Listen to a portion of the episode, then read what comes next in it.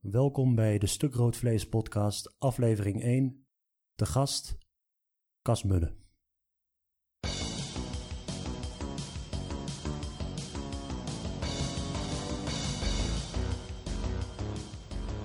Lieve mensen, welkom bij de eerste aflevering van de Stuk Rood Vlees podcast. Mijn naam is Armin Hakverdian. Ik ben politicoloog aan de Universiteit van Amsterdam en een van de initiatiefnemers achter het blog Stuk Rood Vlees waar ik samen met wat collega's probeer de actualiteit door een politicologische bril te duiden. En ik wilde proberen of ik daar met deze podcast verder gestalte aan kan geven. U kunt ons volgen via www.stukroodvlees.nl of anders via Twitter of Facebook. Ik ben zelf ook te volgen op Twitter via @hakverdian en deze podcast is voorlopig te downloaden via iTunes of SoundCloud. Ik ga de komende weken een paar proefafleveringen opnemen en kijken hoe dit allemaal bevalt. Hopelijk zal ik uh, met vallen en opstaan dat podcast een beetje onder de knie krijgen. En mocht ik nou te vaak vallen, dan blijf ik gewoon liggen. Ik heb een paar dagen geleden een interview opgenomen met mijn collega Cas Mudde. We waren allebei aan het reizen, dus het moest uh, helaas via Skype. Maar het is desondanks een erg leuk gesprek geworden. Dit is waar we het over hebben. Uh, het is een vrij lang gesprek geworden. En dat komt natuurlijk omdat ik Cas lekker zijn ding heb laten doen. Kas gaat eerst uitleggen wat populisme precies is en vooral ook wat het niet is. Vervolgens gaan we in op de verklaringen voor het ontstaan van populisme, zowel aan de vraagzijde van de samenleving als aan de aanbodzijde, dus aan de kant van de gevestigde politieke partijen en het medialandschap. En tenslotte wat over de uh, relatie tussen populisme en democratie. Ik hoop dat u er met plezier en interesse naar luistert en laat me vooral weten wat u ervan vindt. En dan nu Cas Mudde. Oké, laten we Cas uh, erbij halen. Uh, Cas Mudde is politicoloog aan de Universiteit van Georgia. Hij is verbonden aan het Center for Research on Extremism van de Universiteit van Oslo. Uh, daarvoor had hij onder andere aanstellingen aan de Universiteit Leiden en Antwerpen. Cas is de afgelopen twintig jaar uitgegroeid tot een van de meest invloedrijke auteurs over populisme. Hij heeft vele boeken, artikelen, blogs en tweets gewijd aan dit fenomeen. Enkele hoogtepunten zijn, wat mij betreft, zijn artikel uit 2004, de Populist Zeitgeist. Nog steeds een van de beste inleidingen op het onderwerp die er te krijgen is. Zijn boek Populist Radical Right Parties in Europe uit 2007 is ook een aanrader. En veel recenter heeft hij een artikel geschreven in The Guardian met de titel The Problem of Populism, waarin hij min of meer zijn eigen werk van de afgelopen jaren daarvoor samenvat. Zijn meest recente boek, geschreven met Cristobal Rovira Kaltwasser, heet simpelweg Populisme en is momenteel verkrijgbaar in Nederland. En daarnaast verschijnen dit jaar ook boeken van zijn hand over radicaal rechts in de Verenigde Staten en over Syriza. Wilt u op de hoogte blijven van Cas werkzaamheden? Volg hem dan via Twitter via @casmudde. Cas, welkom. Ja, bedankt. Laten we beginnen met de meest basale vraag van allemaal, maar niet per se de meest eenvoudige, namelijk wat is populisme precies? Um, ik heb een citaat van de filosoof Isaiah Berlin, een heel bekend citaat hij zei dat er, dat er een, uh, een assenpoestercomplex rondom het begrip bestaat. Namelijk, er is ergens een schoentje, laten we dat het woord populisme noemen. En ergens bestaat er een voet.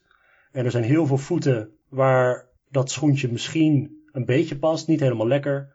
En toch is er ergens ook een voet, puur populisme, waar dat muiltje precies overheen past. En we proberen de hele tijd maar op zoek te gaan naar die perfecte fit tussen aan de ene kant wat we zien in de wereld, van deze partijen zijn populistisch, en aan de andere kant wat populisme nou precies is. Jij hebt daar veel over geschreven, dus wat is volgens jou de kern van populisme?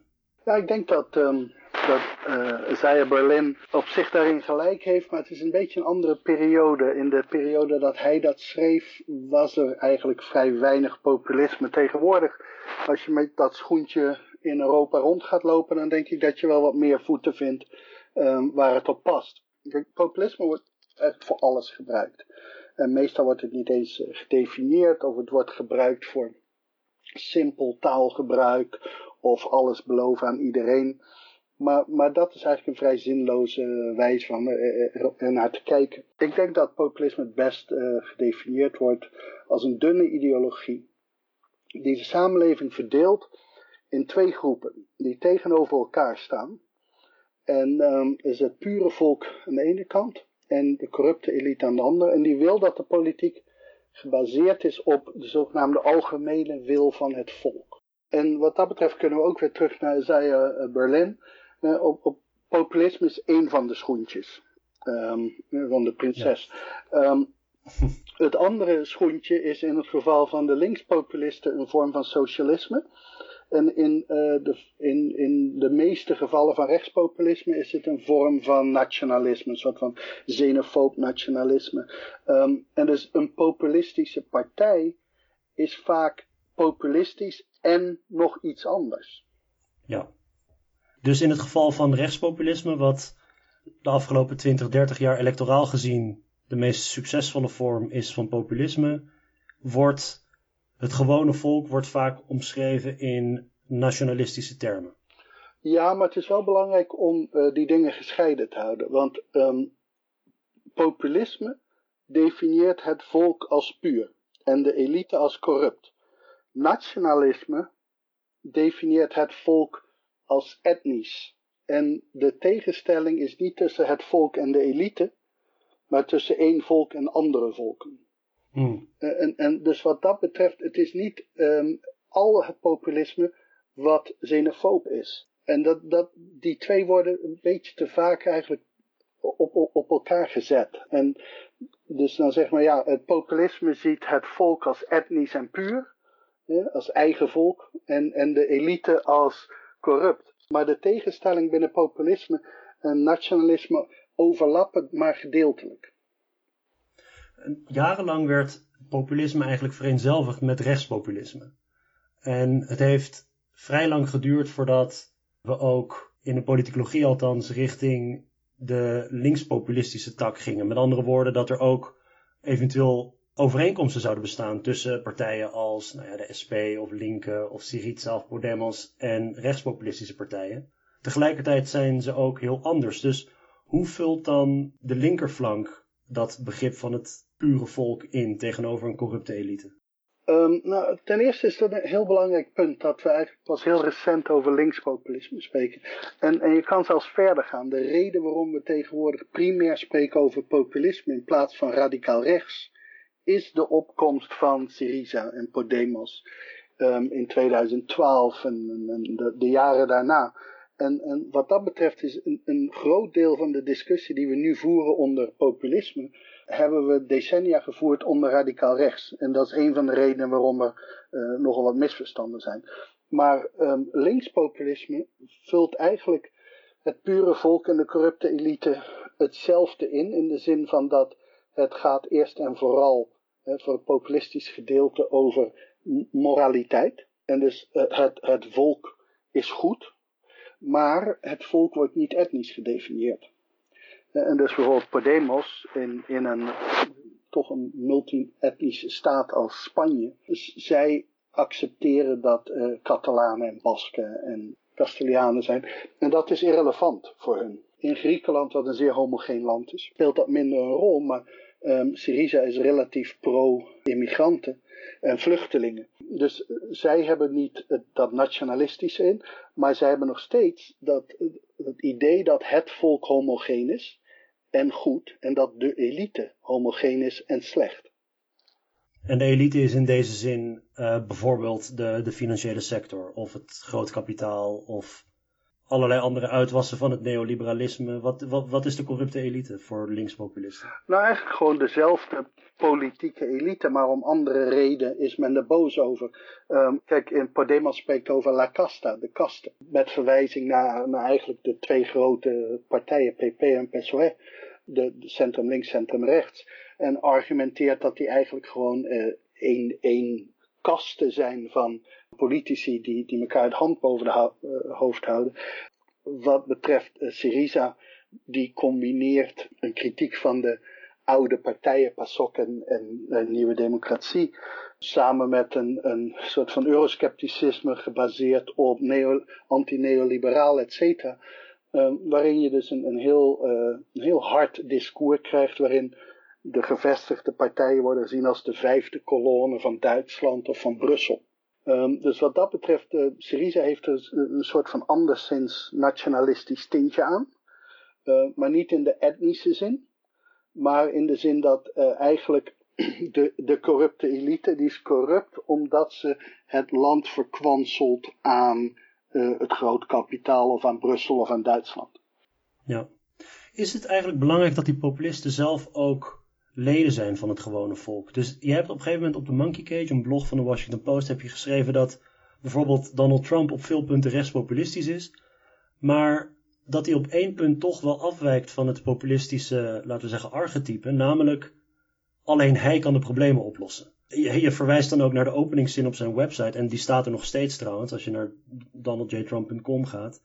Uh, hij schrijft zelf op zijn website: Donald J. Trump is the very definition of the American success story, setting the standards of excellence in his business endeavors and now for the United States of America.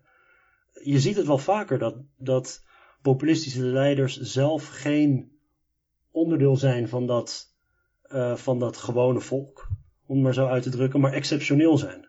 Is dat een probleem? Of je? Nou, dat is, dat is geen probleem voor populisme per se, omdat de, het onderscheid is moreel en, en niet op basis van sociaal-economische status of geld. En dus de reden waarom Donald Trump de stem van het volk kan zijn, is niet omdat hij even arm is, maar omdat hij volgens dezelfde normen en waarden leeft.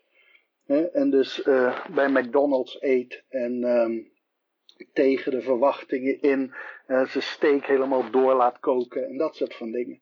Um, Heerlijk. En, en, dat maakt hem gewoon. Hè? En hij houdt niet van, van de verhoogde cultuur of van het buitenlandse. En, en wat we zien is dat heel veel populistische leiders zijn helemaal niet gewoon. Zijn, zijn wat betreft hun, achter, uh, hun achtergrond of hun gedragingen eigenlijk uh, zeer apart. Uh, denk aan Pim Fortuyn, die, die ontzettend on-Nederlands was. Met dat dandy gedrag, met een butler hebben en een auto en een grote Jaguar. En zich erop voorstaan. Silvio Berlusconi, een van de rijkste Italianen. Ross Perot in de, in de VS in de jaren negentig, een van de, rijkste Amerikanen. Maar dat maakt niet uit, want je wordt niet gedefinieerd op basis van, van klasse. Je wordt gebaseerd op, op wat je normen en waarden zijn. Die band, die band tussen de achterban van Trump en degene die jij noemde daarvoor. De band tussen leider en, en uh, volgers is niet economisch van aard. Dus het maakt niet uit dat hij in een, uh, in een, in een massief gouden appartement woont. Nee, en dat is natuurlijk met name in Amerika geen probleem. Amerikanen hebben niet die, die sociaal, sociale afkeer of afgunst die, die veel West-Europeanen hebben. Men associeert in Amerika um, veel geld met succes. Um, en, en dat zie je ook bij Trump supporters. Die, die hebben wel wat problemen met ongelijkheid, maar anderzijds um, hebben die geen negatieve visie ten aanzien van, van rijkdom, maar wel van bepaalde rijkdom. Dus elites, iemand als Hillary Clinton, werd de hele tijd bekritiseerd dat ze veel geld verdiende. Maar dat was slecht omdat ze verdiende dat via de politiek. Terwijl Trump zogenaamd het allemaal heeft verdiend met, met heel hard te werken. Ja, zijn vader, ja. um, hey, we hebben in Nederland hebben we, ogenschijnlijk althans, een nieuwe populistische partij in de Tweede Kamer, namelijk Forum voor Democratie. Laat me even iets voorlezen van hun website en dan kun jij vertellen in hoeverre ze voldoen aan de definitie van populisme. Uh, dus dit schrijft de partij op de, op de website. De gevestigde media en de gevestigde partijen willen u anders doen geloven. Maar we leven in een tijd van crisis. Een existentiële crisis bedreigt het voortbestaan van de Nederlandse samenleving. Grenzen worden niet langer verdedigd, we staan bloot aan massale immigratie die we niet aankunnen en de terreurdreiging neemt steeds verder toe. Soevereiniteit wordt overgeheveld naar Brussel. We hebben steeds minder over onze eigen samenleving te vertellen. De euro destabiliseert ons continent, en vernietigt de zuidelijke economieën. De kwaliteit van het onderwijs holt achteruit en de zorg gaat gebukt onder zware managementlagen. Te veel regels en belastingen knijpen het MKB af en onze veiligheid op straat wordt in hoog tempo minder. Er moet nu echt iets veranderen in Nederland. Forum voor Democratie is het enige serieuze alternatief voor de huidige politiek. Wij gaan het partijkartel breken en Nederland weer opstoten in de vaart der volkeren. We zien een hoogopgeleid, veilig Nederland voor ons, waarin een nieuw optimisme rondwaart met hervonden economische dynamiek, minder overheid, meer respect voor elkaar. Dubbele punt, het Silicon Valley van Europa. Is Forum voor Democratie populistisch? Ja, het is eigenlijk helemaal niet zo gemakkelijk. Um, dat citaat is eigenlijk alleen maar populistisch in het gebruik van we.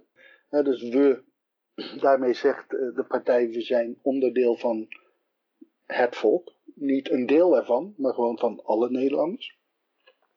En het partijkartel, wat eigenlijk zegt van ja, de corrupte elite. Alle, ze vormen een kwartel, dus ze zijn allemaal hetzelfde. Anderzijds zijn heel veel van de andere punten zijn meer traditioneel radicaal rechts en wat neoliberaal.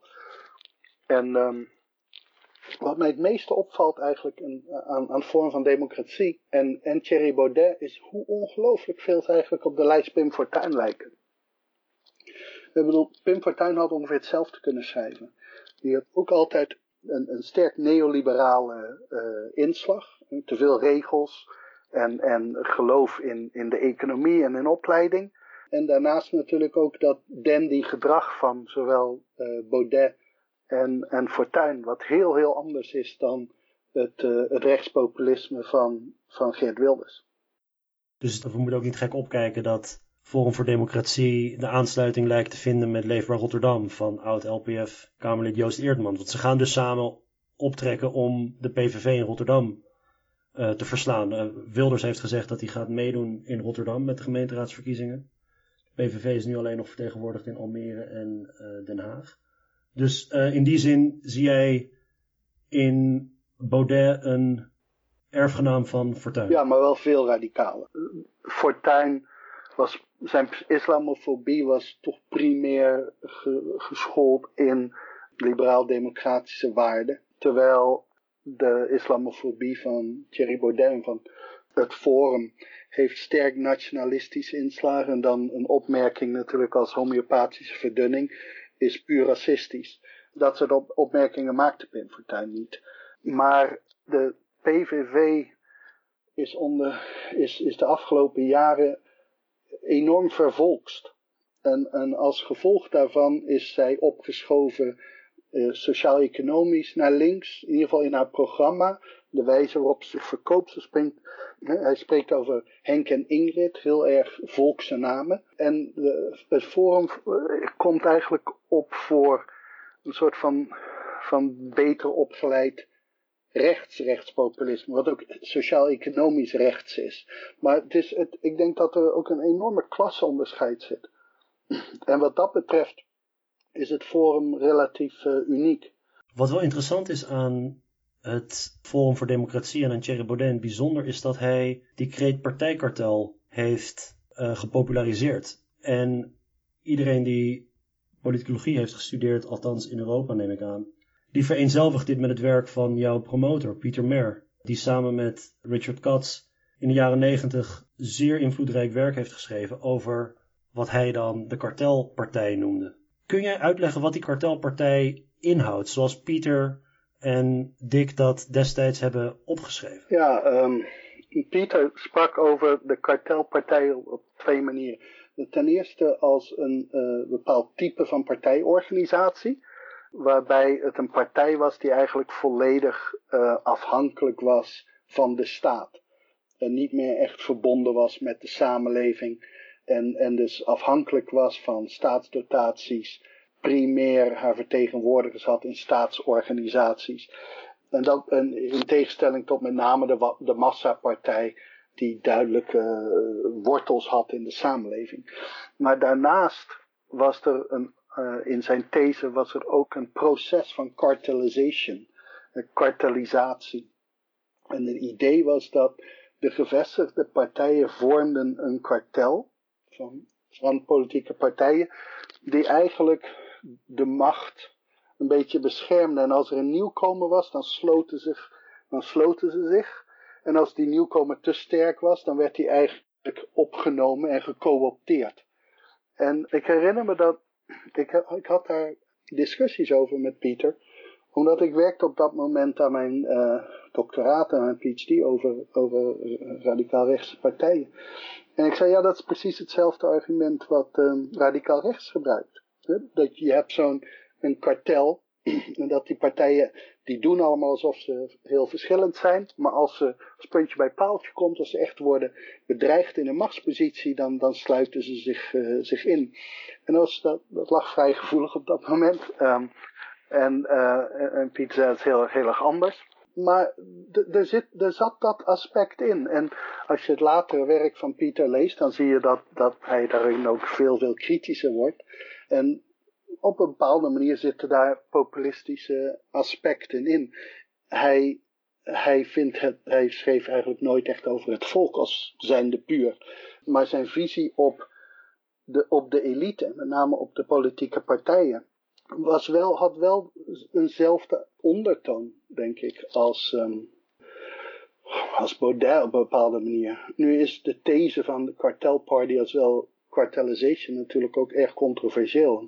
Er zijn verschillende politicologen die hebben beweerd dat het eigenlijk helemaal niet zo werkt. Uh, in deze lange formatie, die uh, inmiddels, ik, ik heb vandaag uh, gelezen dat Zalm het gaat overnemen van Cenk Willink, dus er komt een volgende fase.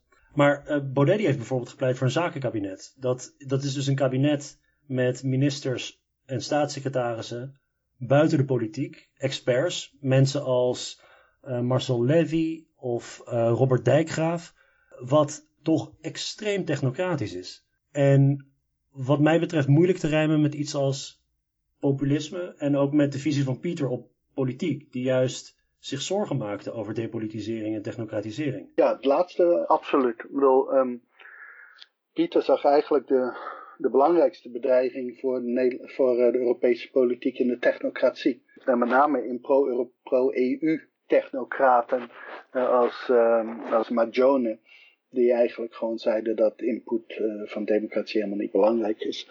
Maar populisme en technocratie gaan veel beter samen dan veel mensen denken. En, en de reden is dat beide zijn op een bepaalde manier anti-partijpolitiek. En de idee van de populisten is niet we geven de macht aan de technocraten, de idee is dat sowieso politiek is niet iets van compromissen. Er is een algemene wil. De populist weet die, want die is onderdeel van het volk. En dus die zegt, we gaan dit doen.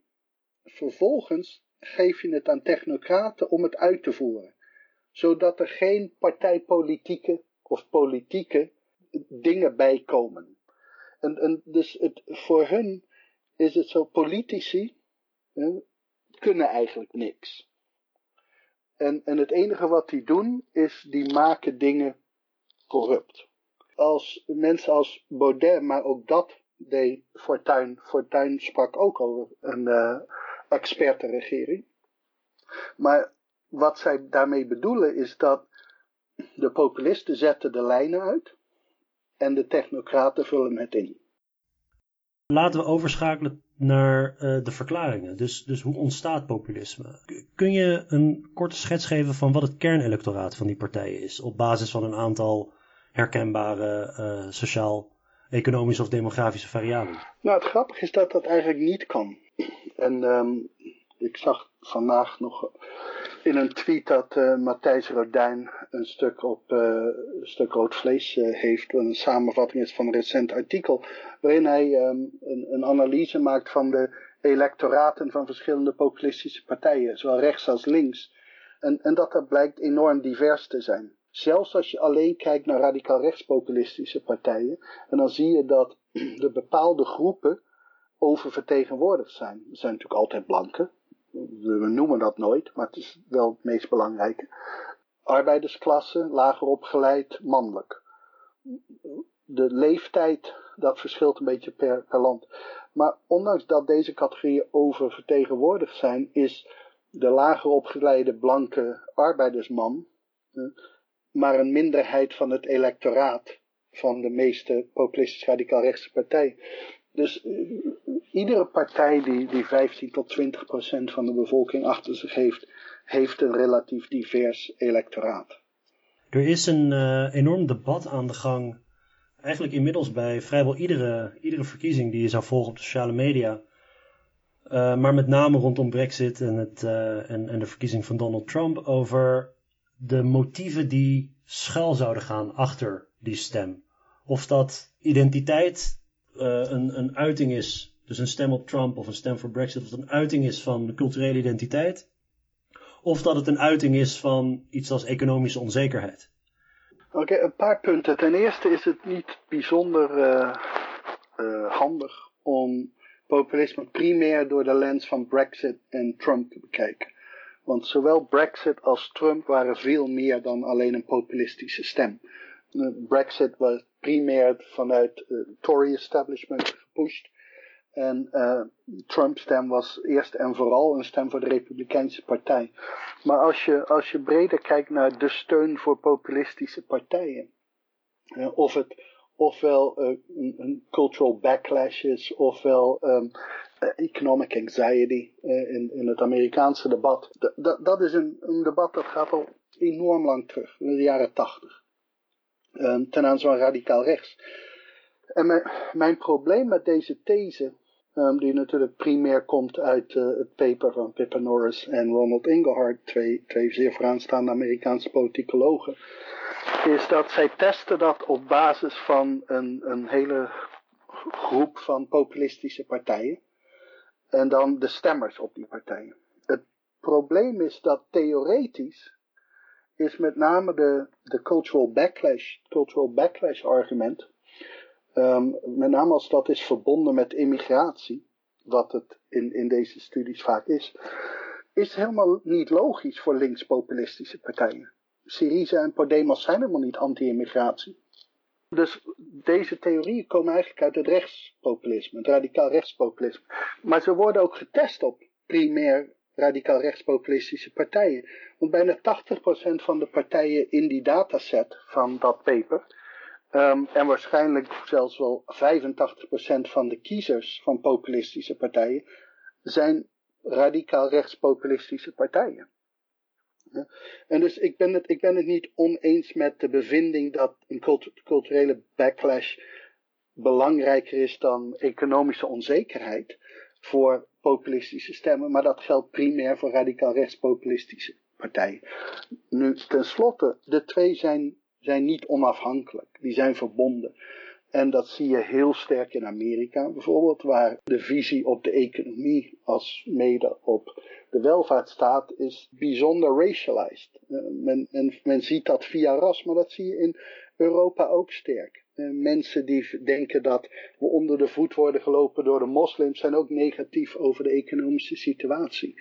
Dus ik geloof dat je die twee theoretisch wel kan onderscheiden, maar dat ze empirisch eigenlijk altijd door elkaar lopen. Voor, eh, in ieder geval voor een deel van de bevolking, met name het deel dat stemt voor radicaal rechtspopulistische partijen. Je hebt natuurlijk in Amerika heb je nu dat uh, debat over hoe kunnen de democraten in hemelsnaam de witte arbeidersklasse in het Midwest, in Wisconsin en in Michigan terugwinnen.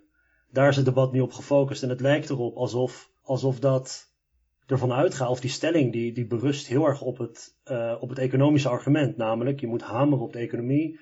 De democraten zijn te veel naar het midden, ge, uh, midden getrokken, te neoliberaal. Ze moeten weer zichzelf economisch profileren en dan komen die witte arbeiders in het Midwesten komen vanzelf wel terug bij de Democratische Partij. Maar als die mensen met name vanwege culturele houding hebben gestemd op Trump, dan is die strategie misplaatst, lijkt me. Ja, en, en je ziet dan ook een hele een sterke druk van zogenaamde pragmatische centrumlinkse in Amerika, maar ook in Nederland of Groot-Brittannië. Uh, de andere, de, de gerelateerde these daaraan is van ja, wat, wat, wat bijna te gênant voor woorden is, dat de democraten voerden een identiteitspolitiek. Terwijl natuurlijk Trump gewoon op een white strategy heeft gewonnen. Maar het argument is, ja, sociaal-democratische partijen in het algemeen eh, zijn eigenlijk de, de, partij van de, van de minderheden geworden. En die bedrukken altijd de identiteit van, van minderheden, zij het etnisch, zij het religieus, um, zij het seksuele geaardheid.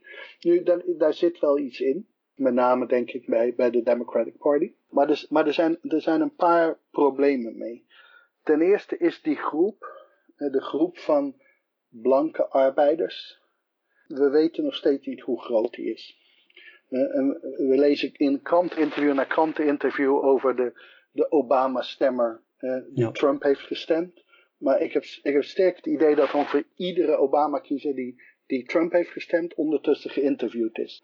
Ik maak me echt sterk dat dat een verdomd kleine groep is. Nu, kleine groepen kunnen uh, verkiezingen swingen in, in, uh, in de VS, maar andere groepen kunnen dat ook. Mijn, mijn grootste probleem met deze respons, die je ook ziet bij de PvdA momenteel, Sarah de Lange sprak erover in, in haar oratie ook, is dat het, het, het is met name in, in een uh, multipartijensysteem, verliezen sociaaldemocraten aan heel veel verschillende soorten partijen. En, en, de PVV heeft maar een klein deel verloren aan de PVV. Dus zelfs al krijgen ze dat deel terug, en dat krijgen ze niet, maar zelfs al krijgen ze dat terug, dan zijn ze nog veel kleiner dan ze waren. Maar ze krijgen het ook niet terug, want als, als deze mensen daadwerkelijk een, een, een minder immigratie willen en het, en het is over uh, white privilege, dan dat, dat doet radicaal rechts ja. toch beter dan jij. Nou, wat betreft het neoliberale, dat is een heel ander verhaal. Maar zelfs dan denk ik dat een groot deel van dat deel van het electoraat is weg. Want ja, die hebben problemen met bepaalde neoliberale zaken, maar zij zien dat primair door de lens van identiteit. Nog even terug naar Amerika. Die, dus je had het net over dat kleine groepen de, de verkiezingen kunnen swingen. Dat lijkt me ook de grote tragiek van de armsten in Amerika. Mensen praten altijd over de, over de, over de witte arbeidersklasse en over mensen in West Virginia, de, de, de kolenmijnen en allemaal dat soort zaken. De daadwerkelijk kwetsbare groepen in Amerika die komen niet eens opdagen om te stemmen. En als ze zouden stemmen, zouden ze stemmen op de Democraten. Maar het is niet alsof de allerkwetsbaarste nou op Trump hebben gestemd. En er stond laatst op de Monkey Case. Er komen steeds meer uh, verantwoorde kiezersanalyses nu uit. Die in het veld waren een, jaar of wat geleden. En dat ging, en dat was heel interessant, omdat het ging over die relatie tussen opleiding, inkomen en stem. Er wordt heel vaak, wordt er dan gezegd, of het discours is heel erg het zijn lagere inkomens, witte mensen met een lager inkomen die op Trump hebben gestemd. Maar het zijn helemaal niet de lagere inkomens. Het zijn mensen zonder collegeopleiding die middelbaar of hoger inkomen hebben. Uh, terwijl je tegelijkertijd ook mensen hebt met een hoge opleiding die misschien een middelbaar of een lager inkomen hebben. Het lijkt me dat die interactie tussen opleiding en inkomen, dat die ontzettend belangrijk is om dit fenomeen te snappen. En dat, ik denk dat het mondjesmaat nu gebeurt omdat er, omdat er goede data vrijkomt. Maar het is, een, het is een mythe om te denken dat de meest kwetsbare uh, groepen in de Verenigde Staten op Trump stemmen. En ook het hardst geraakt zouden worden trouwens door bijvoorbeeld die, die, uh, die, die, die zorgwet. De meest kwetsbare groepen in Amerika zijn, zijn helemaal niet politiek actief. En als ze politiek actief zijn, stemmen ze overwegend democratisch. Ja, maar er, er komen twee dingen bij kijken. Ten eerste natuurlijk wordt een heel groot deel daarvan uitgesloten. En dat begrijpen heel veel mensen buiten Amerika niet.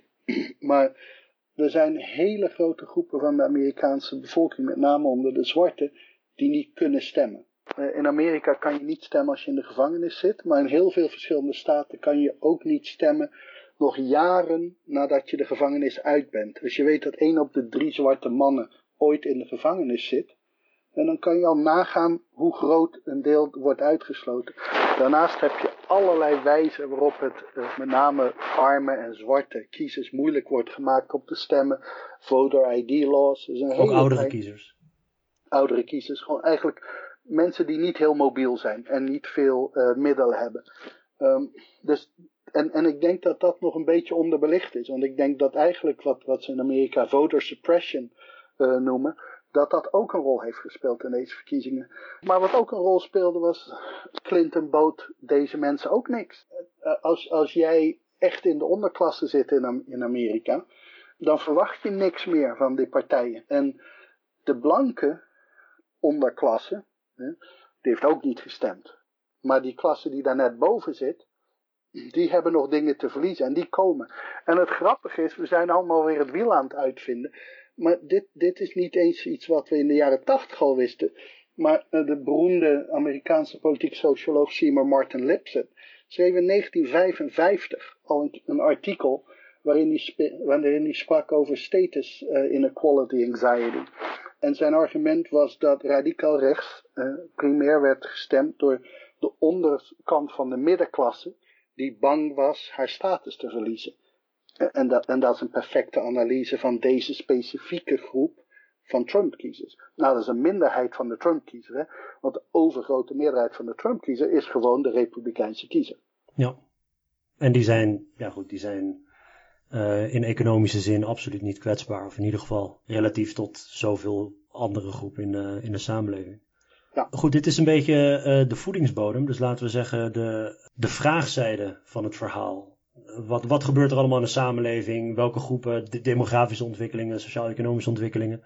Maar de aanbodzijde van het verhaal, namelijk wat gevestigde partijen doen, de partijstrategieën van gevestigde partijen, dat heeft ook een invloed op of populistische partijen wel of niet succesvol zijn, toch? Ja, kijk, ik denk dat, dat er vijf factoren een rol spelen. Um, de eerste is dat voor een groot deel van de bevolking in vele landen heerst het idee dat de gevestigde partijen niet over belangrijke thema's spreken. En dat is ook lange tijd het geval geweest. In de jaren 80, 90 spraken in heel veel landen de gevestigde partijen niet over immigratie of Europese integratie. Daar was geen debat over. Tegenwoordig is dat veel minder het geval, maar, maar mensen hebben nog steeds dat idee. En zolang ze dat idee hebben, zullen ze op basis van dat idee um, zich politiek gedragen. Het tweede punt is dat een groot deel van de bevolking heeft, heeft het gevoel dat alle partijen eigenlijk hetzelfde zijn. Niet noodzakelijkwijs in een corrupte wijze, maar wel in de zin van ja, het maakt eigenlijk niet zo gek veel uit of ik sociaaldemocraat of liberaal stem. Ze zijn toch allemaal met elkaar in coalitie en ze vormen eigenlijk hetzelfde beleid. Dat wederom is niet helemaal zonder reden. Kijk naar het verschil tussen CDU en SPD, wat marginaal is tegenwoordig. Het verschil tussen Blair en Cameron was heel klein. In Nederland gaat iedereen met iedereen in coalitiezin. Maar daar, komt wel iets van corrupt bij, omdat de partijen nog steeds natuurlijk campagne voeren alsof het een enorm verschil maakt of je op partij A of B stemt. En vervolgens gaan partij A en B samen regering. Uh, en dan voelen mensen zich natuurlijk uh, bekocht. Maar zijn mensen inmiddels niet gewend aan het idee dat je in een uh, land als Nederland niet 100% je zin krijgt? Partijen voeren campagne alsof ze straks 76 zetels gaan winnen, maar iedereen weet toch ja, nee, goed, als je 30 zetels wint, dan moet je samenwerken met andere partijen. Wel, maar het is relatief nog uh, recent hè, dat, je, dat, dat PvdA met VVD samenwerkte. Centrumrechtse versus centrumlinkse regeringen waren nog relatief gebruikelijk. En ondanks dat men dit gewend is, doen de partijen nog net alsof het niet het geval is. dus zelfs al, al kan je zelf zoiets hebben van ja, ik weet dat wel, ik denk dat je toch nog irriteert aan het feit dat uh, een, uh, je een campagne hebt van PvdA versus VVD en vervolgens een PvdA-VVD-regering. Dus dat soort grote coalities, uh, die, of laten we het zo zeggen, in landen met grote coalities is de kans groter dat er een populistische uitdager ontstaat. Ja, dat is een theorie die al sinds midden jaren zestig wordt verkondigd uh, op basis van de, van de grote coalitie in, in Duitsland en de opkomst van de NPD. Maar het heeft primair te maken volgens mij met hoe het wordt verkocht. Mm. Als de twee partijen beide uh, een campagne voeren met het idee van wij gaan een grote coalitie maken, want we zitten momenteel in zo'n fase dat dit nodig is voor dit en dat, dan zal de overgrote meerderheid die daarop stemt het totaal daarmee eens zijn. Maar als je campagne voert met van ja goed, als de ander wint wordt het allemaal vreselijk. Ja. En vervolgens um, na de verkiezing zeg je ja dit is een fantastische coalitiepartner. En dan, dan, dan, worden mensen een beetje, een beetje moe natuurlijk. Voordat ik je onderbrak uh, was je bezig met met die punten. Je was bij, dit, dit, was het derde punt, als ik het goed heb? Tweede, dat is het tweede. het, derde punt, het derde punt is wat uh, de Amerikaanse politicoloog Ronald Inglehart uh, cognitieve mobilisatie heeft genoemd. En dat wil zeggen dat mensen tegenwoordig beter opgeleid zijn, maar ook meer politiek zelfvertrouwen hebben. En als gevolg daarvan worden tegenwoordig maken kiezers keuze tussen partijen. Uh, wij, wij denken meer en meer weemoedig terug naar de gouden jaren van de liberale democratie in de jaren 60 en 70. Maar denken eens aan Nederland, wat volledig verzuild was. Uh, mensen maakten helemaal geen keuze. Je stemt, als je een arbeider was, stemde je gewoon voor de PvdA. En dan was je een katholiek, stemde je voor de KVP en later CDA. Daar waren geen keuzes gemaakt en, en je was niet kritisch over je leider. Want als je Den Helder zei, dan was het waar. wat wist jij daar nou van? Tegenwoordig weten we alles beter dan iedereen.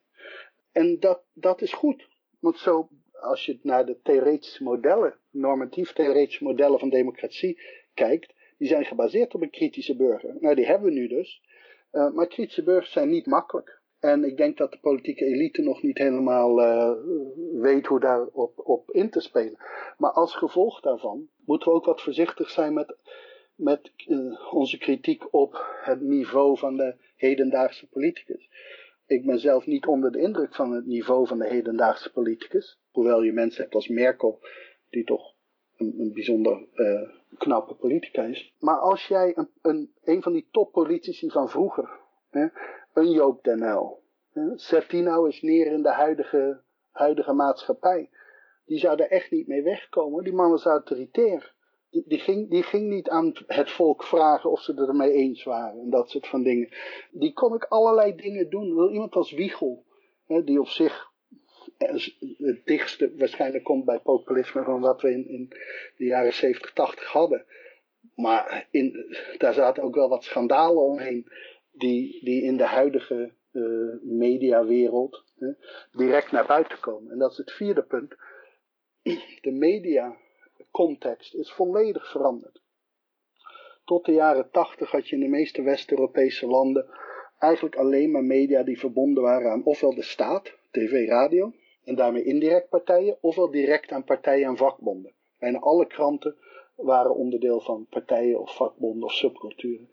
Um, die werden gecontroleerd, die sloten allerlei andere stemmen uit. Tegenwoordig zijn alle media, traditionele media, zijn eigenlijk bijna allemaal zijn privaat en zijn gebaseerd op winstbejag. En die hebben dus een hele andere logica. En hè, die moeten verkopen. Wat verkoopt? Schandalen, conflicten. En dat maakt populisme interessant. En de populisten spelen daar ook steeds beter op in. En dat is punt 5.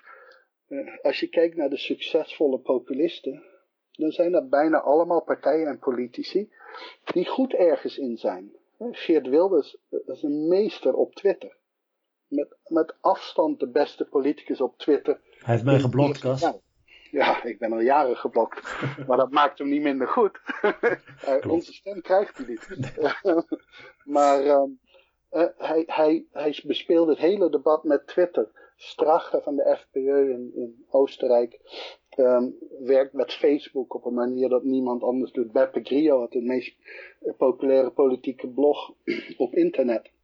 Dat zijn goede politici die, die begrijpen hoe, hoe, de hoe de hedendaagse uh, politiek werkt.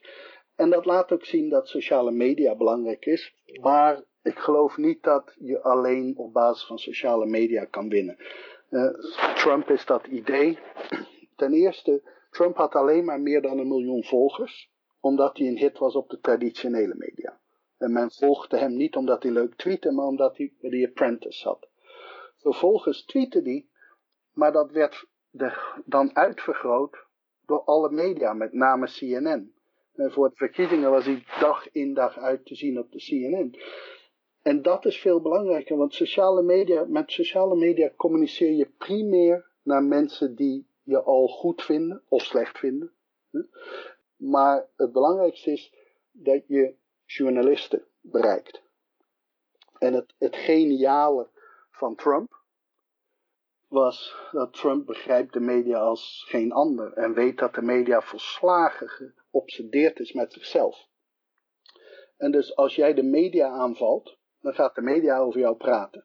En dat doet hij dus de hele tijd. En dus praat de media de hele tijd over hem. Um, als we kijken naar populisme en democratie, de relatie tussen die twee, daar is ontzettend veel over gezegd. Even een aantal voorbeelden van uitspraken over populisme en democratie. De ene ervan komt van Herman van Rompuy, de eerste voorzitter van de Europese Raad. Op een gegeven moment heeft hij een, een interview gegeven met de Frankfurter Allgemeine. Hij werd in dat interview werd, hij, werd hem gevraagd naar wat hij nou zag als het grootste risico voor Europa. En hij had natuurlijk van alles kunnen noemen. Dit is een paar jaar geleden. Uh, hij had van alles kunnen noemen. Hij had, had, uh, financiële crisis kunnen noemen. Of hij had, had, terrorisme kunnen noemen. Hij had van alles kunnen noemen. En Van Rompuy antwoordde het grote gevaar is populisme. Zijn opvolger Tusk noemde populisme een virus. En uh, Tusks partijgenoten van de Europese Volkspartij, waar het CDA bij is aangesloten, zeiden op een gegeven moment op een congres dat populisme zich verspreidt als een kanker. De Oxford-islamoloog Tariq Ramadan schreef hetzelfde, namelijk het versleek populisme met een kanker. De Griekse oud-premier Antonis Samaras noemde populisme een ziekte die grote schade aanricht voordat zij beteugeld kan worden. En uh, D66-senator en oud-partijleider Tom de Graaf noemde populisme een langzaam werkend gif in staat en samenleving. Uh, hoe moeten we dit, dit vraagstuk benaderen? Het lijkt me al moeilijk om, om de juiste vraag te formuleren, laat staan een bevredigend antwoord uh, te vinden. Maar hoe kunnen we het best nadenken over die relatie tussen populisme en democratie? Want voor de ene is het de redding van democratie, voor de ander is het de nagel in de doodskist van de democratie. Ja, de, de belangrijkste eerste stap is nooit medische vergelijkingen gebruiken. Dat is altijd slecht in de politiek. Het is overigens ook heel interessant dat verschillende van die mensen die uitspraken doen over hoe slecht populisme is, heel tolerant zijn ten opzichte van bepaald, bepaalde vormen van populisme. Dus Tusk bijvoorbeeld, uh, bijzonder tolerant ten aanzien van Viktor Orbán, de populistische premier van, um, van Hongarije. En de Slovaakse minister van, um, van Financiën, dacht ik dat het was, die uh, vertelde ook dat, god wat zei hij, iets van populisme was een, een spaghetti van het brein of zoiets. En die is dus lid van de populistische partij Smer. Um, maar dat geeft nog even aan hoe populisme als politieke kampsbegrip, zeggen ze in Duitsland, uh, uh, strijdbegrip, wordt gebruikt. Kijk, de reden, de primaire reden, denk ik, waarom er zo, waarom er zo'n debat is en zo'n verschil is tussen de visies op wat de relaties tussen populisme en democratie, heeft te maken met dat we hele verschillende definities gebruiken van populisme en van democratie. En dus iedereen die democratie eigenlijk definieert als liberale democratie, ziet populisme als antidemocratisch. Wat is liberale democratie? Goed, ik maak een onderscheid tussen democratie en liberale democratie, waarin democratie een minimum is in, in de zin van de Oostenrijkse econoom Schumpeter, waarin je volkssoevereiniteit en het meerderheidsprincipe hebt. En dus is een democratisch systeem is een systeem waar de meerderheid van de bevolking haar leiders kiest. Heel bazaal. Een competitie tussen leiders. Ja. In die zin is populisme democratisch. Ze wil de algemene wil van het volk. Maar ons democratisch systeem, wat wij democratie noemen, is eigenlijk een veel ingewikkelder systeem, wat, meestal beschreven wordt als liberale democratie, waar, uh, waar um, volkssoevereiniteit en meerderheidsprincipe wordt verbonden met minderhedenrechten, met een rechtsstaatsbeginsel, met scheiding der machten.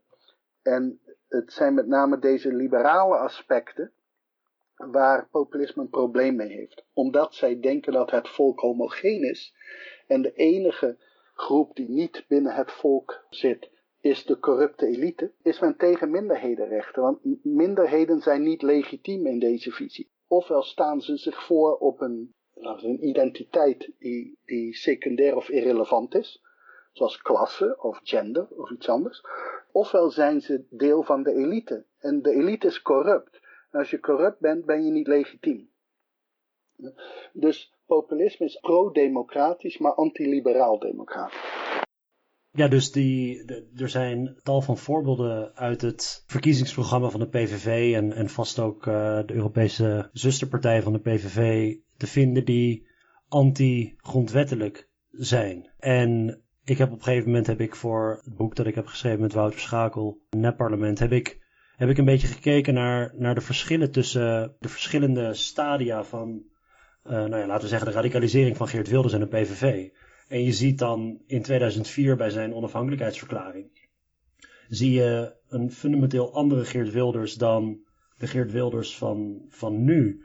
En wat heel interessant is in die beweging van Geert Wilders, is dat hij in 2010 in zijn partijprogramma eigenlijk de grootste, tenminste wat mij betreft, de grootste schakel omzet. Namelijk dat hij de islam niet meer ziet als een godsdienst, maar als een ideologie. En hij schrijft letterlijk in zijn verkiezingsprogramma dat omdat de islam een ideologie is en geen godsdienst, zij ook geen aanspraak kan maken op de voorrechten van een godsdienst. Met andere woorden, de, de vrijheid van religie, vrijheid of, of non-discriminatie, allerlei van dat soort principes, die zouden niet meer gelden voor moslims. Ja, en dat, is, dat zie je eigenlijk met, uh, met rechtspopulisten uh, overal. Tot, tot, niet alleen binnen, binnen rechts, rechts uh, radicaal, maar dus onder heel veel conservatieven in, in Amerika ook.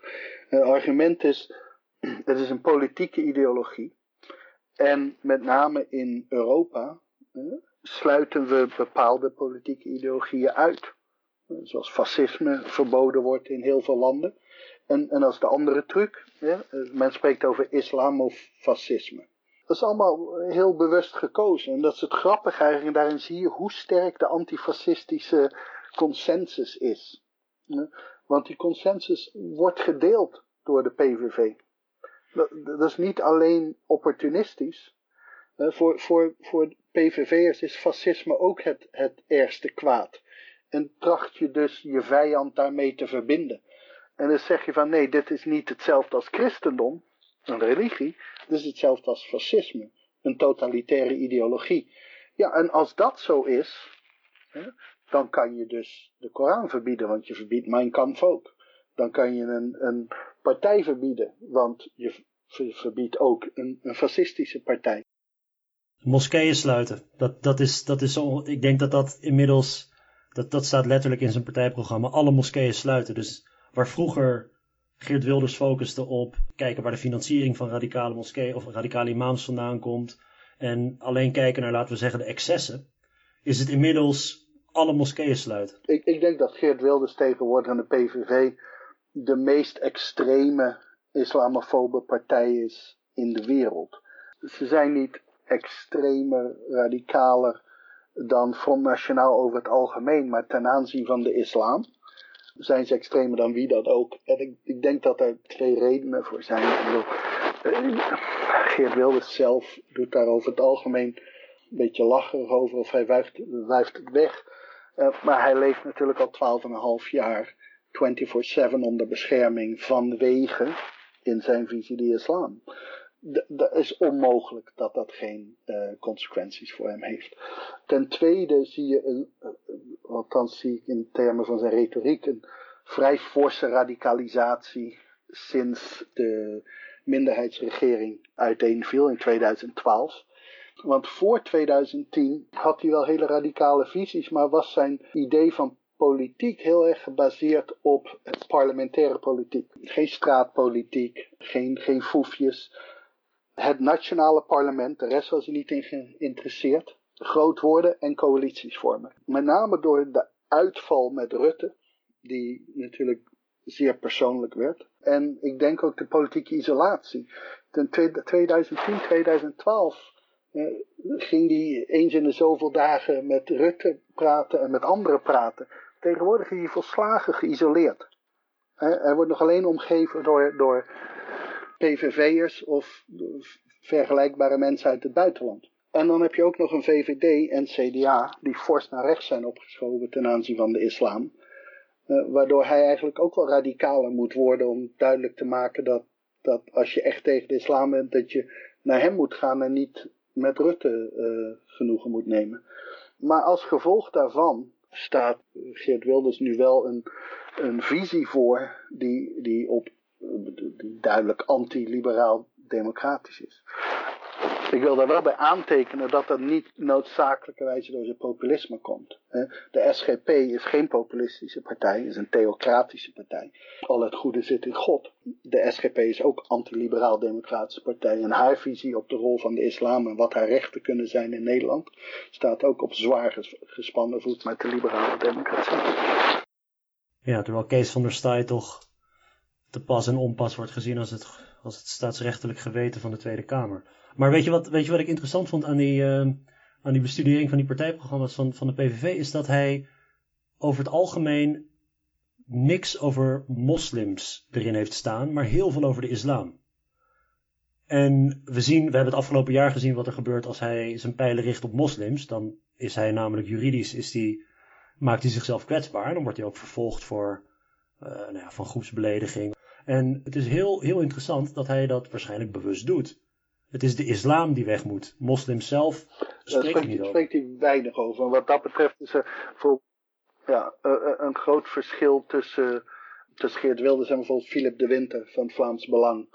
Uh, die, die gewoon letterlijk, die letterlijk zegt dat je kan niet een, een Belg zijn en een moslim, of je kan geen democraat zijn en een moslim.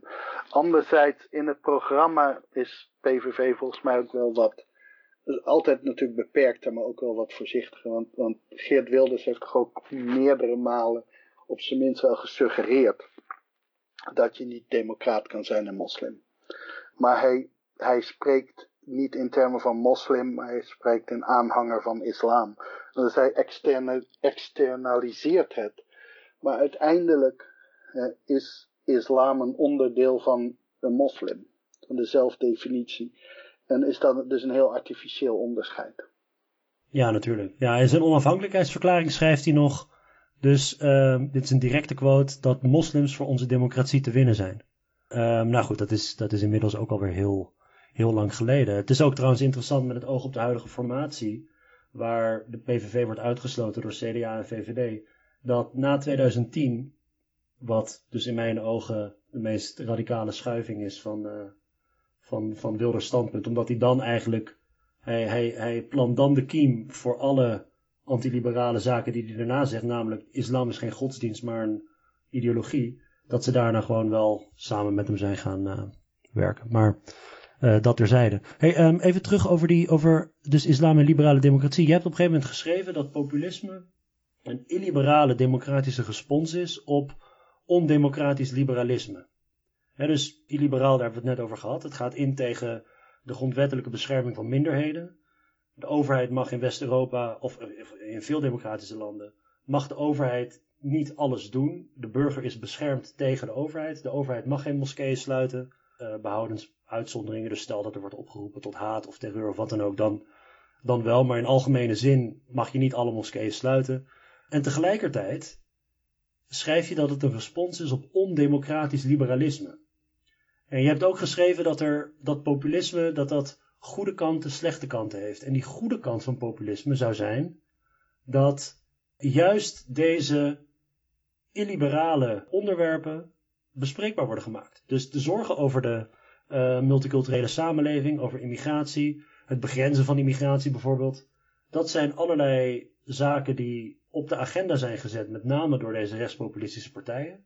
En tegelijkertijd is dat juist ook wat jij problematisch vindt aan populisme. Dus hoe kunnen we dit rijmen met elkaar? Dus mijn argument is dat er, um, dat er eigenlijk twee bedreigingen zitten in de liberale democratie, maar die zijn, die zijn wel anders. Uh, enerzijds is illiberale democratie primair van populisten die gewoon een andere visie hebben. Mijn argument is dat, en ik spreek over ondemocratisch liberalisme, is dat uh, op basis van de neoliberale ideologie zijn er heel veel zaken uit de electorale arena gehaald en daarmee buiten de democratische macht gezet. Uh, op een bepaalde manier. Uh, denk aan de privatisering van, van allerlei bedrijven. Het feit dat er nu heel veel dingen in Europa gebeuren, eurozone, waardoor we niet meer kunnen devalueren, al dat soort van dingen. Dat betekent dat in een beperkte zin de democratische ruimte, waar verkiezingen over gaan, eigenlijk enorm is beperkt. Is niet alleen vanwege neoliberalen, maar ook van brede liberalen. Uh, homohuwelijk, abortus, al dat soort van dingen zijn nu juridische kwesties geworden. Wordt niet meer over gedebatteerd in verkiezingen. Dat is wat het ondemocratisch maakt. Wat, wat populisten zeggen is van, ja, hé, hey, wacht even. Dat behoort nog steeds onder, onderwerp van discussie te zijn. En dus als je het argument hebt van wij, wij willen de grenzen sluiten. Of we zeggen, we zijn het allemaal over eens dat er minder vluchtelingen moeten komen. Rutte ook. En dan zegt de PV, zegt, ja, dan moeten de, de grenzen sluiten, onze nationale grenzen. En dan zegt Rutte, ja, nee, dat kunnen we niet doen, want we zitten in de EU. Dus we kunnen alleen de EU-buitengrenzen sluiten. En dan, en dan zegt Wilders, terecht, nee, dat kunnen we wel doen. Alleen dan moeten we de EU uit. En het probleem is dat Rutte moet zeggen, niet alleen van, dat kunnen we niet doen. Maar dat kunnen we niet doen omdat we in de EU zitten. En dat is goed en de EU kan dit beter doen. Maar dat doen we niet meer. En heel veel van de argumenten die we hebben als er een kritiek is op uh, dat er iets geprivatiseerd is of dat het niet meer in de normale electorale agenda zit, dan is dat van ja, there is no alternative. Tina politics. Of het alternatief is erger. Cas, ik denk dat we zijn uitgelopen op een manier die ik niet had voorzien. Maar dat krijg je met een compleet onervaren interviewer. Uh, heel erg bedankt voor je uh, inzichten over dit onderwerp. Ik hoop dat ik je in de toekomst nog vaker mag bellen. Voor kortere gesprekjes waarschijnlijk. Mag Heel erg bedankt. Uh, Cas boek Populisme is dus uit. Het is een editie in de versie van elementaire deeltjes van Amsterdam University Press, waarin nou ja, deskundigen op zeer toegankelijke en beknopte wijze mensen inleiden in het onderwerp waar zij expert in zijn. En Cas heeft dat dus samen met Kaltwasser geschreven over populisme. Dus koop dat boek. Cas, succes nog met je Europese tour en ehm, tot snel. Oké, okay.